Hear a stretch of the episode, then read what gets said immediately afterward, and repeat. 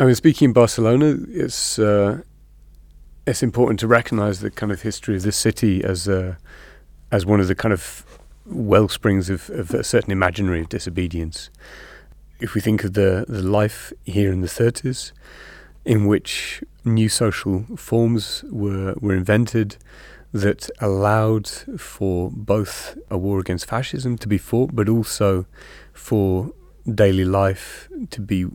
worked through at a at a social level and re reconstituted. The sense that Barcelona has as a kind of archive of experience, as a as a as a place in which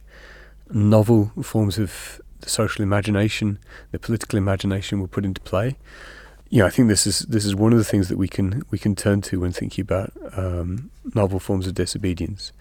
and one of the the key things that that tradition teaches us is the idea of direct action and this is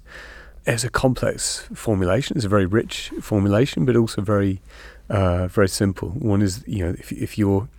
faced with a problem at a particular scale, you know whether that's the scale of oneself, one's social relations, one's sexual relations, one's romantic relations, or the the food one eats, uh, the